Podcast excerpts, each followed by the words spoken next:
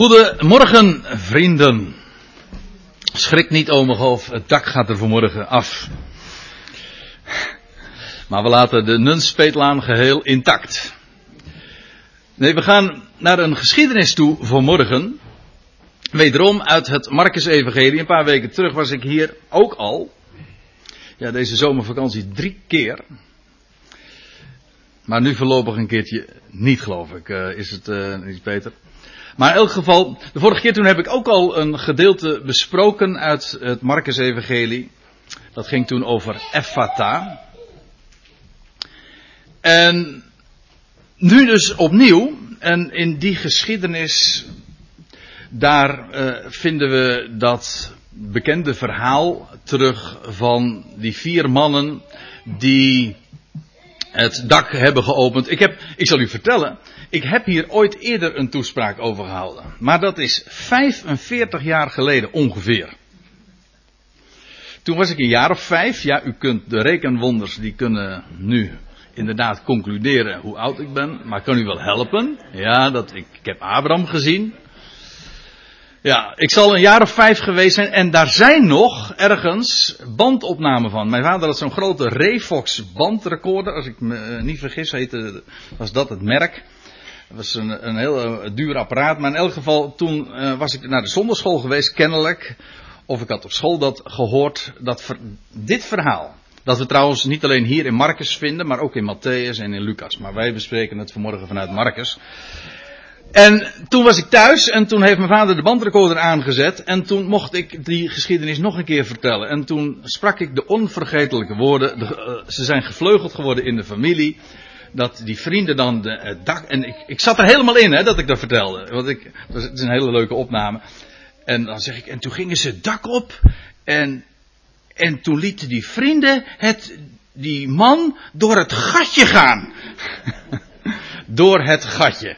Nou, dat is uh, sindsdien uh, nooit meer vergeten, ja. Dus ik ga het vanmorgen hebben over die geschiedenis, dat, ik, dat die man door het gatje ging. Ja. En uh, ik heb het een andere titel gegeven, Het dak eraf. Goed. We gaan meteen maar bij het begin beginnen. Daar lezen we in vers 1. En toen hij weder te Capernaum gekomen was, hoorde men wacht even, ik moet misschien even.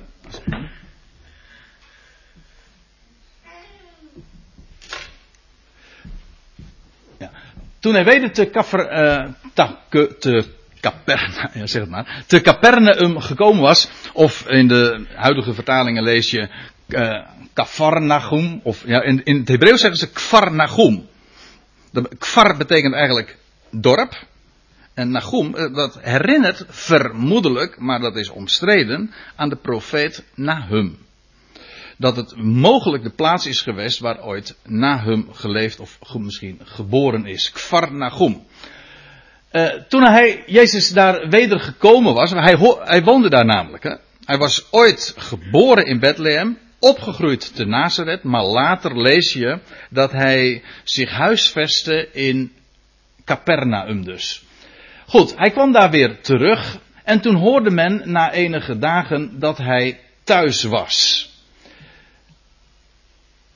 Even het kaartje voor de geest halen. Dit is dus het meer van Kinneret of het meer van Genezaret. Hier ligt Nazareth, Tiberias en hier in het noorden Capernaum. Tegenwoordig is het eigenlijk niet meer dan een ruïne. Er staat, is nog een, een, een hele oude synagoge uit het begin van onze jaartelling te, te bezoeken. En zelfs de, rest, en zelfs de restanten van een synagoge die vermoedelijk nog dateert uit de dagen inderdaad van de Heer Jezus. Maar voor de rest is er eh, nu niks meer te zien. Afijn, de heer Jezus was dus weer terug in Capernaum en hij was daar thuis. En velen kwamen bijeen, zodat zelfs de ruimte bij de deur hen niet meer kon bevatten en hij sprak het woord tot hen. De suggestie is, het staat er niet expliciet, dat geef ik toe, maar de suggestie is dat deze gebeurtenis plaatsvindt in het huis van de Heer. want er staat, hij, dat hij, na het, men hoorde na enige dagen dat hij thuis was. En toen hij, uh, en dan velen kwamen bijeen, zodat zelfs de ruimte bij de deur hen niet meer kon bevatten. Welke deur? Van welke gelegenheid? Nou, het ging over zijn huis. Dus, als u het mij vraagt, het was inderdaad uh, het huis van de Heer. En als ik het zo zeg, dan is dat toch eigenlijk wel heel bijzonder dat juist daar de hemel open ging. Het dak eraf. Zicht op de hemel kwam. Hij sprak daar het woord tot hen. Uiteraard is dat het woord van God. En dan lees je verder. En ze kwamen en brachten een verlamde tot hem die door vier mannen gedragen werd. En daar zij deze niet tot hem konden brengen vanwege de schade, namen zij de dakbedekking weg boven de plaats waar hij was. Dat is in die oude uh, huizen die men toen de tijd in, uh, in het Midden-Oosten had, veel makkelijker dan nu. Het waren platte daken, men kon zo het dak oplopen. En daar, kon, daar heeft men dus uh, de dakbedekking weggenomen. In het Lucas-evangelie, daar lees je in Lucas 5, vers 19, dat is dus het parallelgedeelte. En toen zij geen gelegenheid vonden om hem binnen te dragen, vanwege de schade, gingen zij het dak op en lieten hem met zijn bed door de tegels, weet je wel, door het gatje, hè, door de tegels in het midden neer, vlak voor Jezus. Door de tegels. Ze hebben dus, het idee is, zij hebben tegels weggenomen. En daar wil ik u toch eens even op wijzen. Want dat is heel bijzonder. Kijk, dat dak, je kunt het natuurlijk positief benaderen. Maar meer dan eens vind je ook de negatieve variant. Dat wil zeggen, eh, het dak dat ontneemt het zicht op de hemel. Dat is ook het hele idee, nou het hele idee, in ieder geval een van de achtergronden van het Loofhuttenfeest. Waarbij men toch naar boven kan kijken, waarbij het dak niet afgesloten is, maar dat er openingen naar boven zijn. Er moet zicht op de hemel zijn. En het, het dak ontneemt dat zicht juist. De tegels. En als ik het zo zeg, de Bijbelkenners onder u, zou dan toch een rood lampje moeten gaan branden of belletjes gaan rinkelen. Want tegels, dat is nou typisch iets van menselijke makelij. De eerste keer dat we ze tegenkomen in de Bijbel, dat is. Ik wil een paar schriftplaatsen noemen. En u daar zo op deze wijze van overtuigen. De eerste keer is in Genesis 11.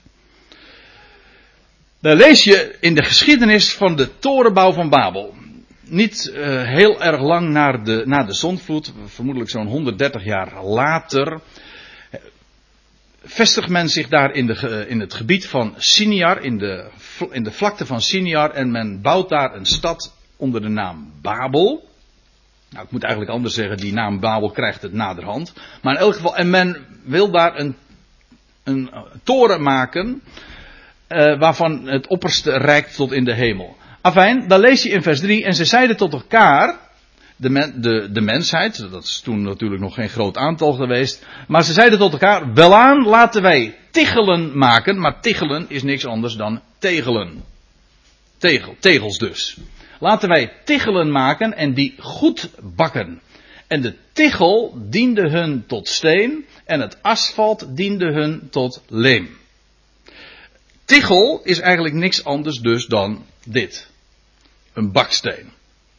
En dat moest plaatsmaken. Voor het eerst lees je hier over tegels. Dat de mens zelf stenen gaat bakken. Voordien maakte men dus huizen of gebouwen van natuurstenen. Stenen zoals God die in de schepping heeft gelegd. Maar de mens voor het eerst in Babel, en dat, dat zou toch dat zou je aan het denken moeten zetten. In Babel gaat men over van steen uit de natuur, uit Gods schepping, over op zelf gebakken stenen.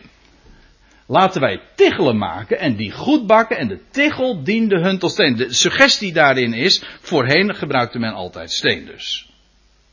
Maar nu ging de mens zelf iets maken. Als ik het zo zeg, heb ik eigenlijk ook meteen de clue verteld van wat, te, wat tichel en tegel en die bakstenen eigenlijk ook symboliseren. Dat zul je trouwens ook in de volgende voorbeelden wel zien.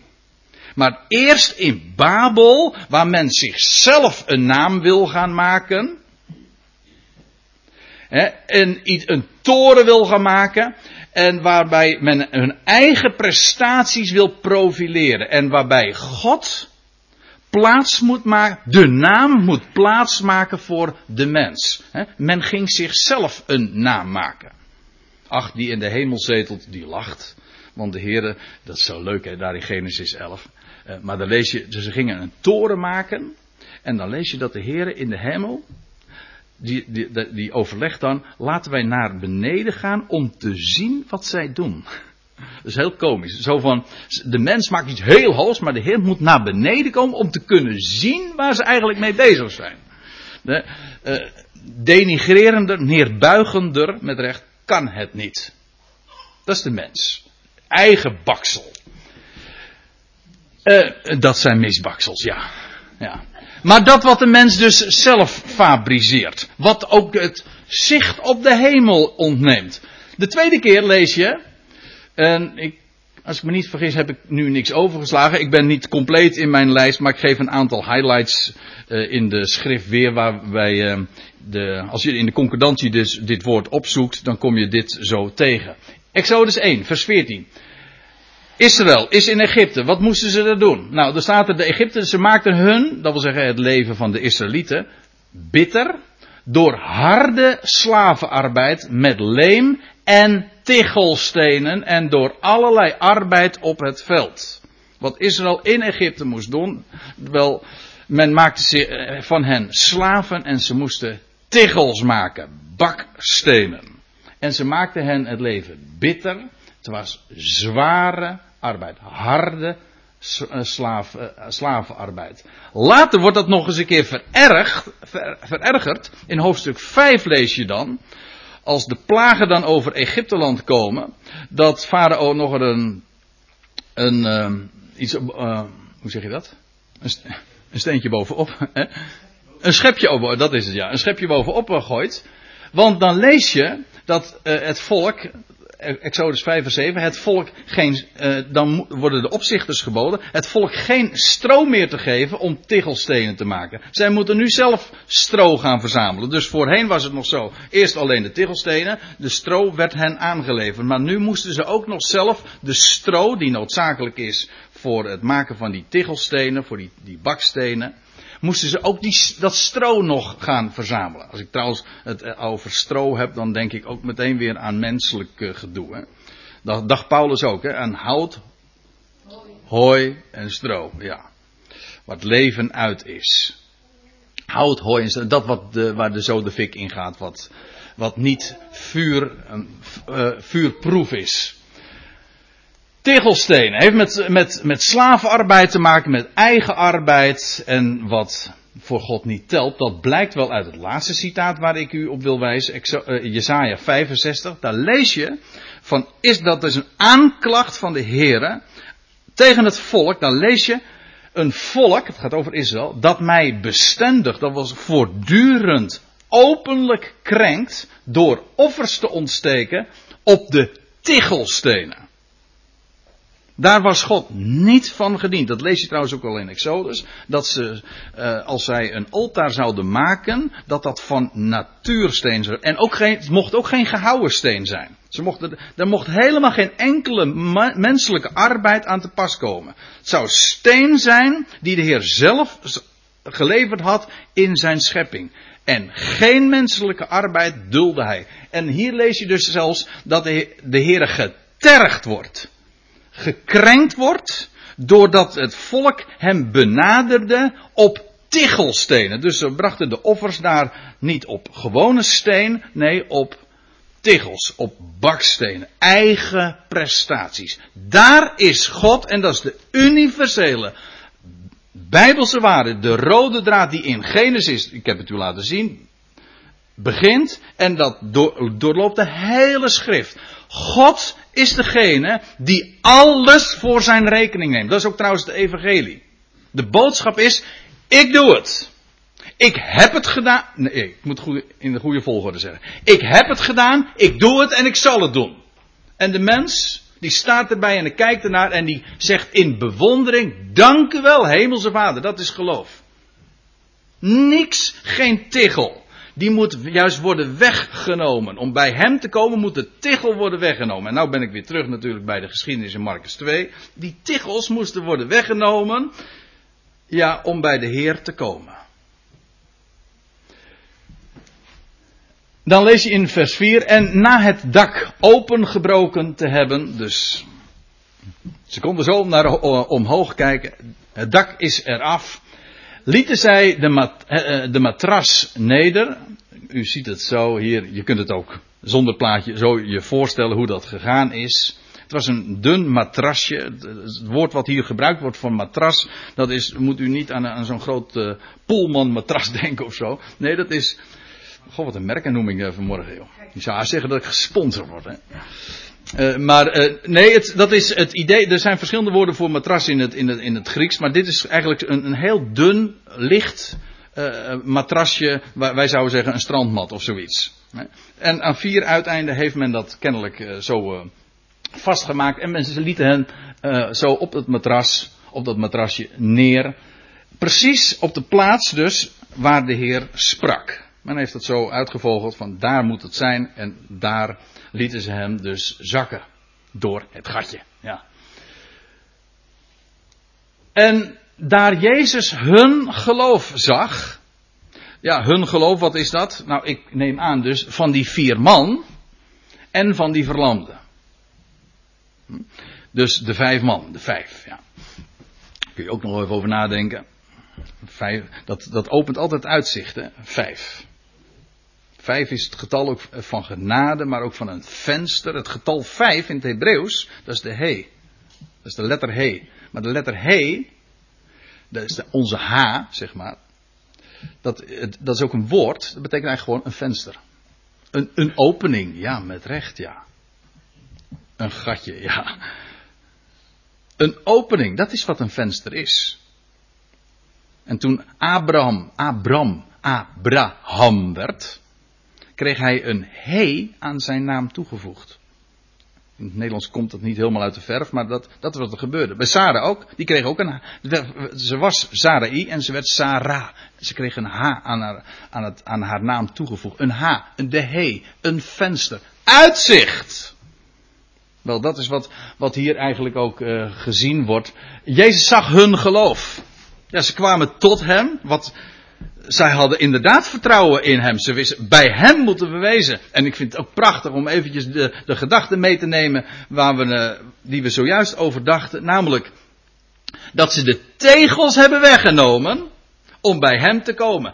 Ze wisten van menselijke baksels en van menselijke prestaties. Hoe moeten we het niet hebben? We moeten het hebben van hem. Bij hem moeten we wezen. En Jezus zag hun geloof. Hij zag, de tegels hebben ze weggenomen. En dat is precies de manier waarop je bij mij moet komen. Weg met de tegels. Weg eigen werk. Bij Hem moeten we wezen. Wat er ook in je leven gebeurt en waarvoor je Hem ook nodig hebt. Maar bij Hem moet je wezen. Nou, ik bedoel niet alleen voor als je in de problemen zit.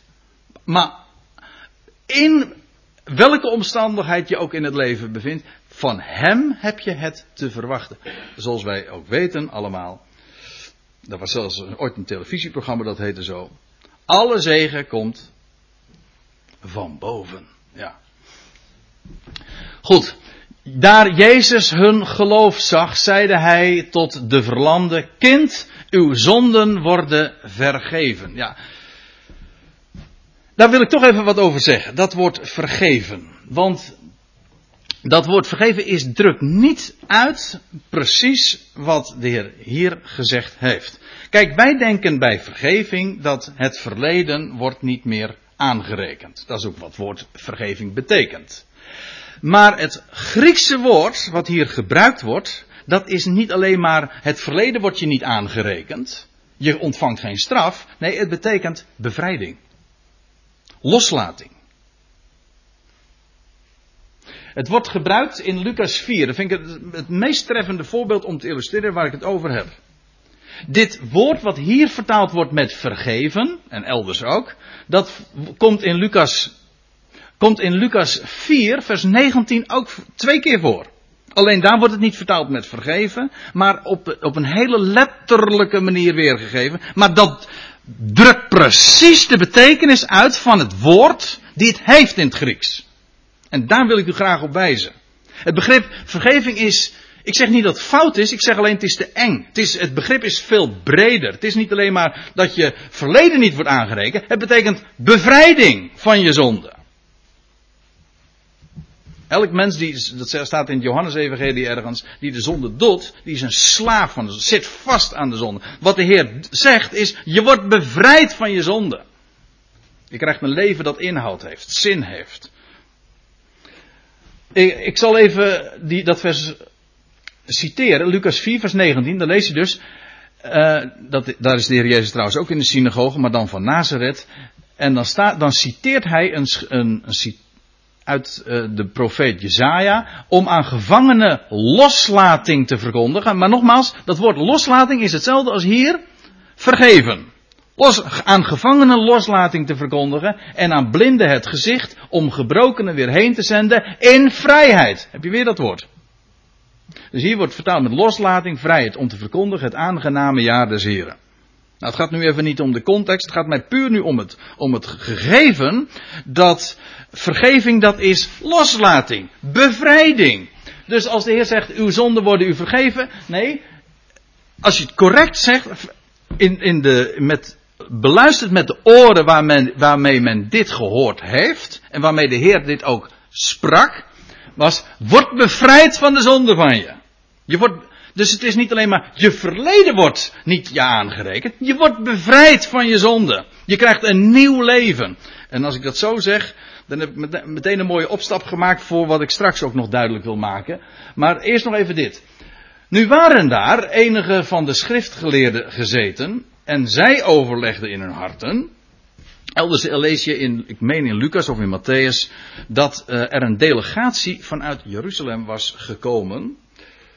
En die zouden nauwlettend gaan uh, acht geven op wat de Heer Jezus sprak. En die dat dus allemaal heel kritisch volgden. Zij zitten daar dus en zij horen Jezus dat zeggen. Daar is dat dak uh, is geopend, die, die man die was naar beneden gegaan en dan is het eerste woord wat Jezus tot hem sprak, je wordt bevrijd van je zonde. En die, en die, die kritische schriftgeleerden, die, die overlegden in hun hart, opmerkelijk, er wordt, er wordt hier niet ges, gesproken. Het is niet eens zo, uh, althans dat staat niet in de tekst dat ze dat tegen elkaar gezegd hebben, maar zij hebben dat geredeneerd in hun hart. En de Heer merkt dat op. Hij kijkt door de mensen heen, hij ziet wat er in hun hart leeft. Soms, als je, als je iemand goed kent, dan weet je soms, in een bepaalde oogopslag, weet je meteen, oh, oh de ander denkt dat. Als je getrouwd bent, weet je precies waar ik het nu over heb. Hoeft niets gezegd te worden, maar dan weet je, ah, dat wordt nu gedacht. Ja, degene die nu lachen, die weten waar ik het over heb, ja. Maar we, vatten allemaal uh, wel dit punt. Als je iemand goed kent, dan weet je dat. Wel, de Heer kende hem goed. Dat blijkt wel. Zij overlegden in hun harten. Wat spreekt deze al dus? Hè? Die, die kritische toon. Altijd weer die kritiek op wat de Heer deed. Of sprak. Wat spreekt deze al dus? Hij lastert God. Wie kan zonde vergeven? Ook hier weer. Wie kan van zonde bevrijden dan God alleen? Nou, het punt is op zich waar. God alleen kan dat.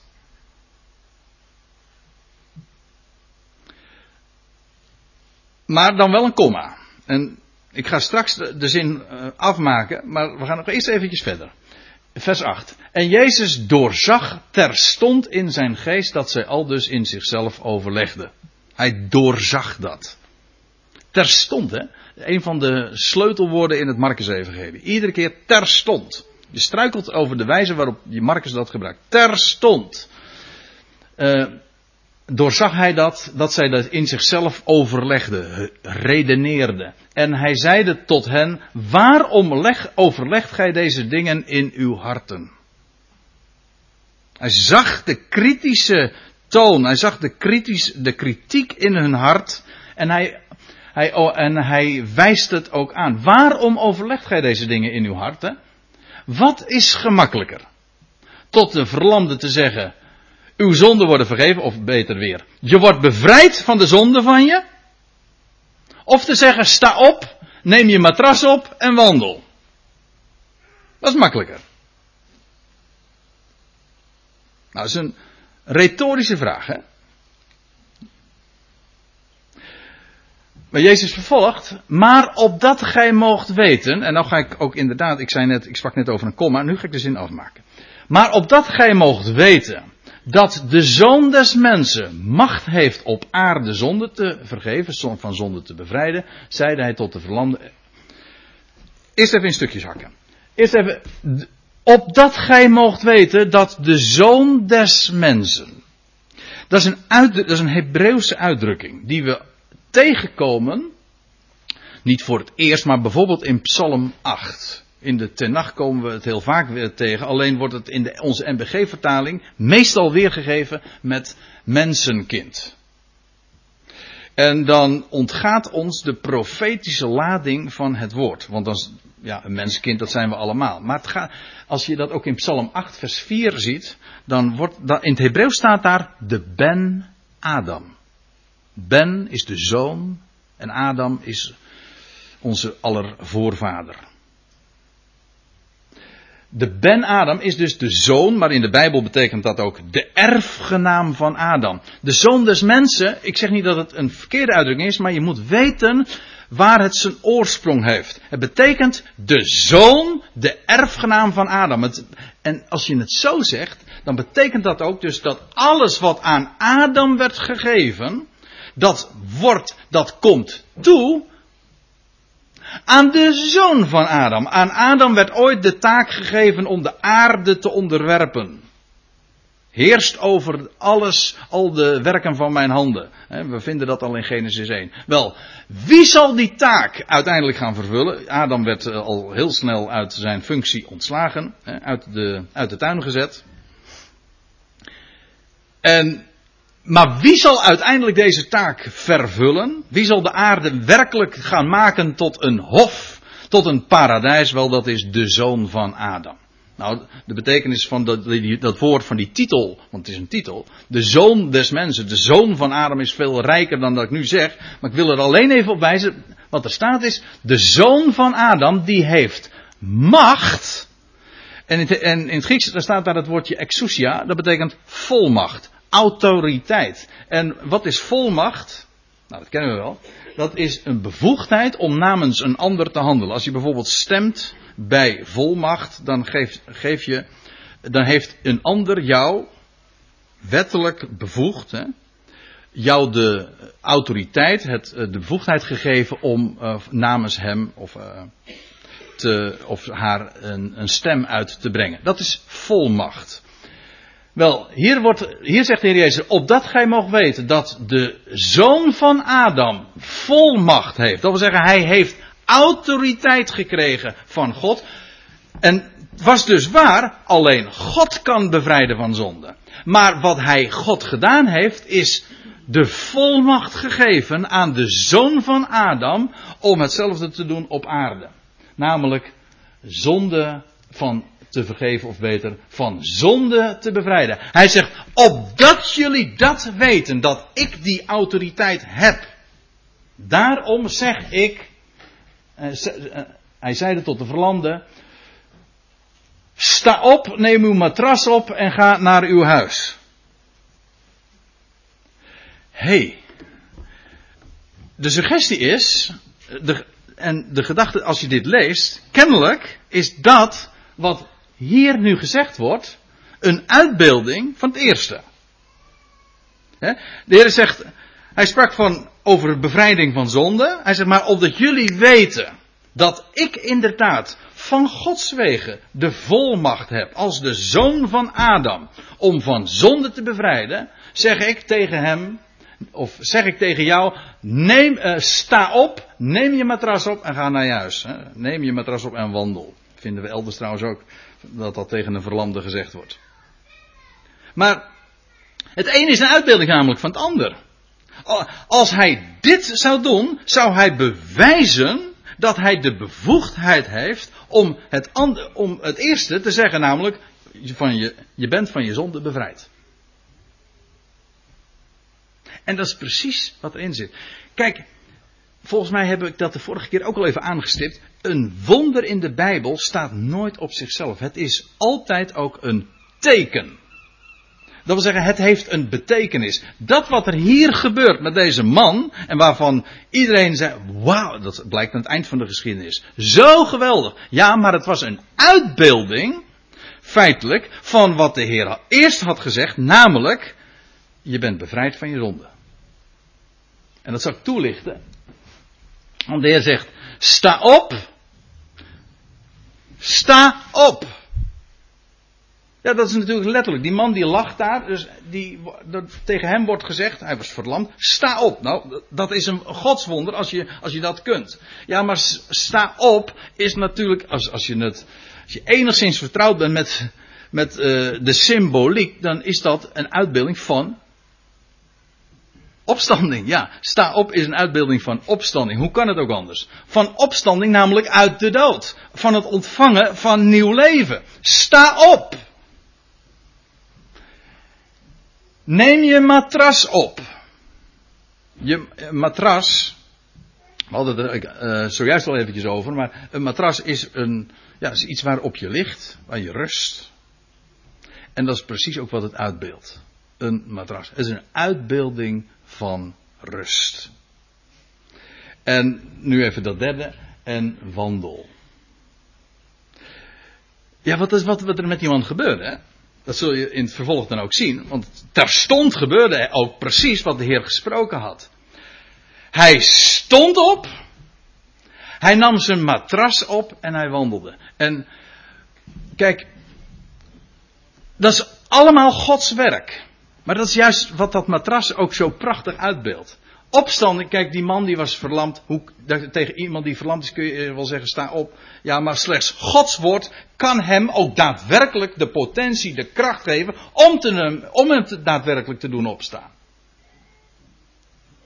Dat is Gods werk. Opstanding. Een mens houdt op bij de dood. Ja, en maar daar begint God. En God brengt nieuw leven tot stand. Opstanding. En vervolgens dat matras. En er wordt gesproken over wandel. Ja, maar weet je wat zo belangrijk is in onze wandel? Dat is, een, dat is ook zo'n zo'n geestelijke waarheid. Dat is een teken. Zo belangrijk is het in je wandel om je matras op te nemen. Hebt u hem?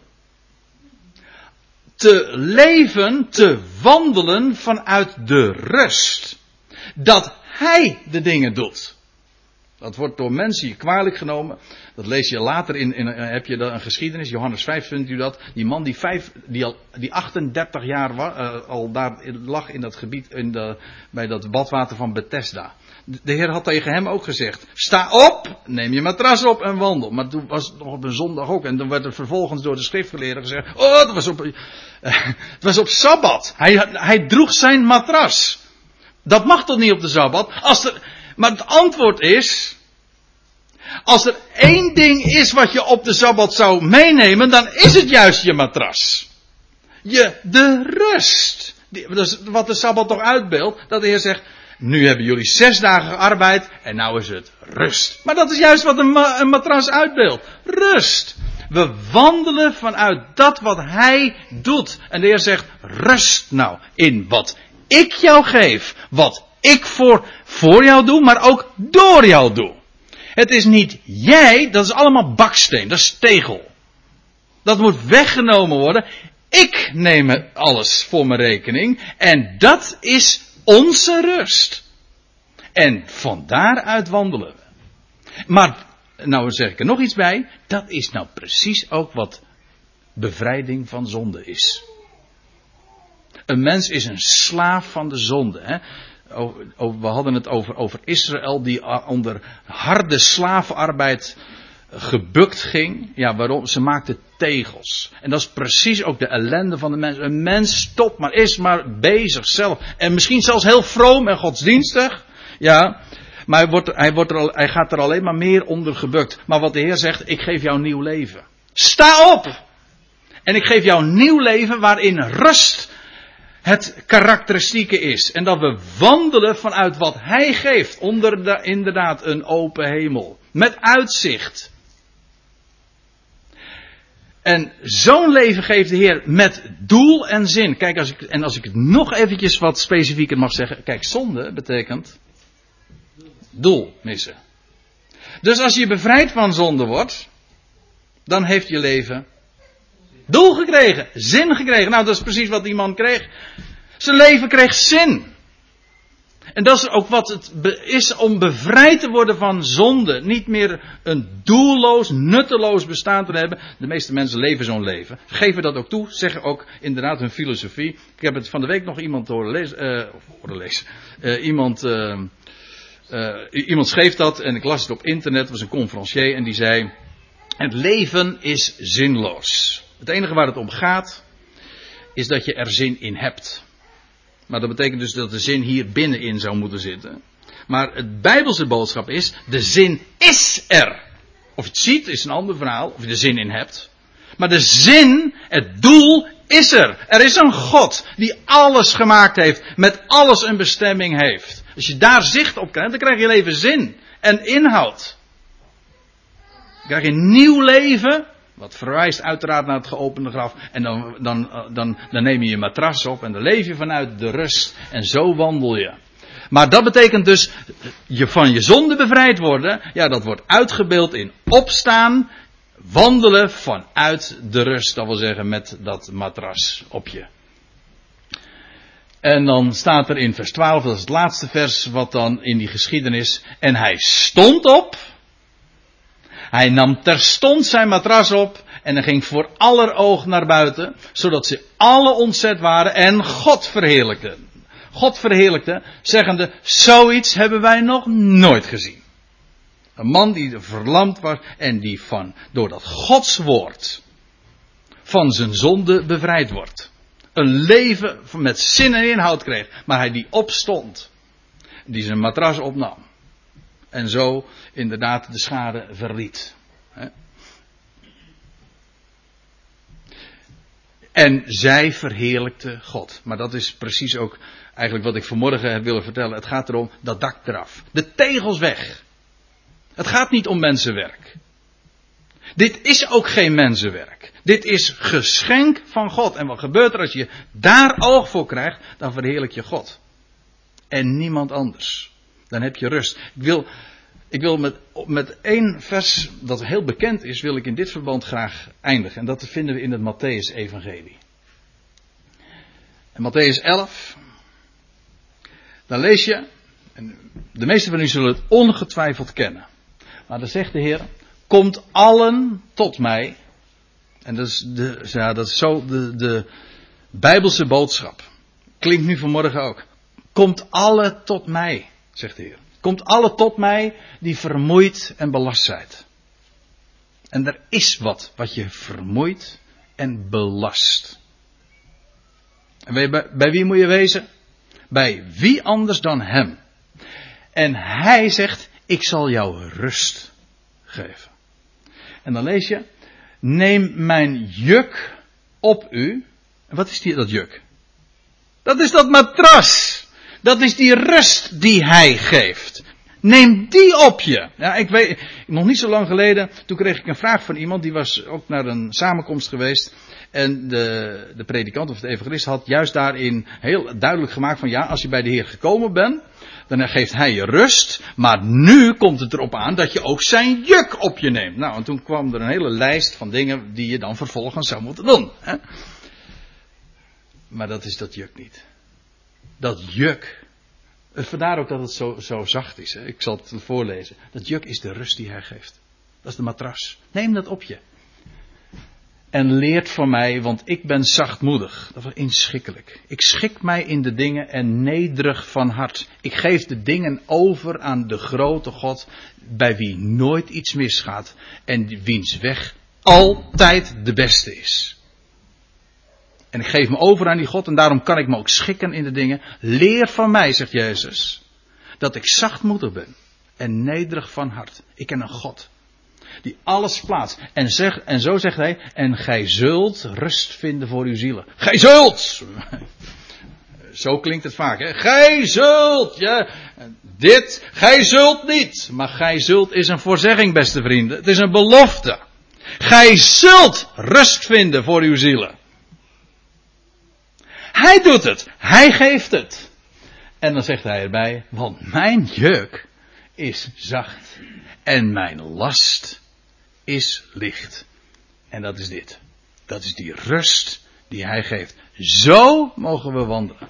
En dan al die tegels, al dat menselijk gedoe, al die bakstenen, al dat getichel en gesteggel en al dat gedoe van ons, dat moet wijken. Krijgen zicht op een open hemel, op een God die alles voor zijn rekening neemt. Ik stel voor dat we nog onze hemelse Vader zullen danken.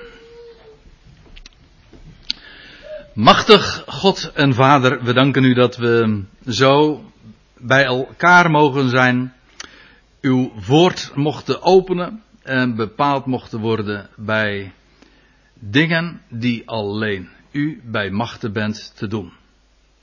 Maar heel uw woord confronteert ons met een God die alles voor zijn rekening neemt en die ook niet gediend is van en gediend wil worden met bakstenen. Met dat wat wij bakken en maken, presteren.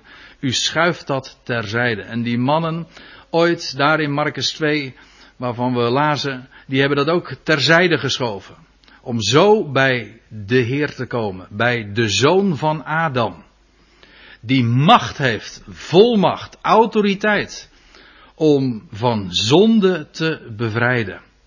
En dat ook uitbeelden door hem te doen opstaan. En hem te laten wandelen met zijn matras op, op zich.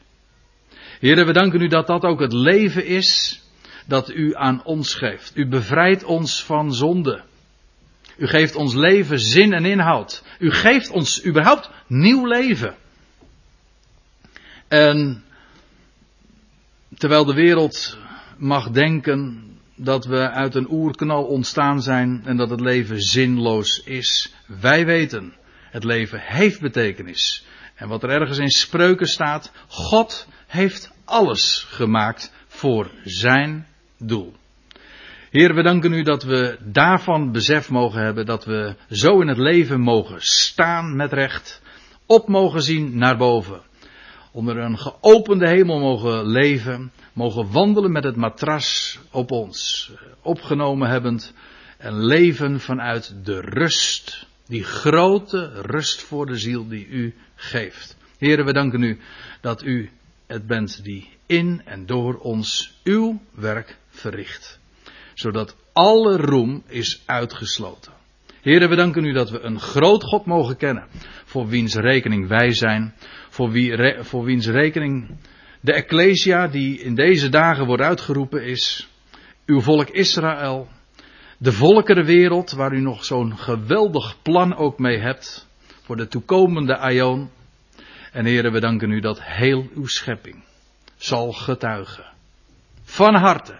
God is goed in alle opzichten en dat het leven zal triomferen. We danken u, Heere God, dat u ons zo'n uitzicht op een geopende hemel geeft.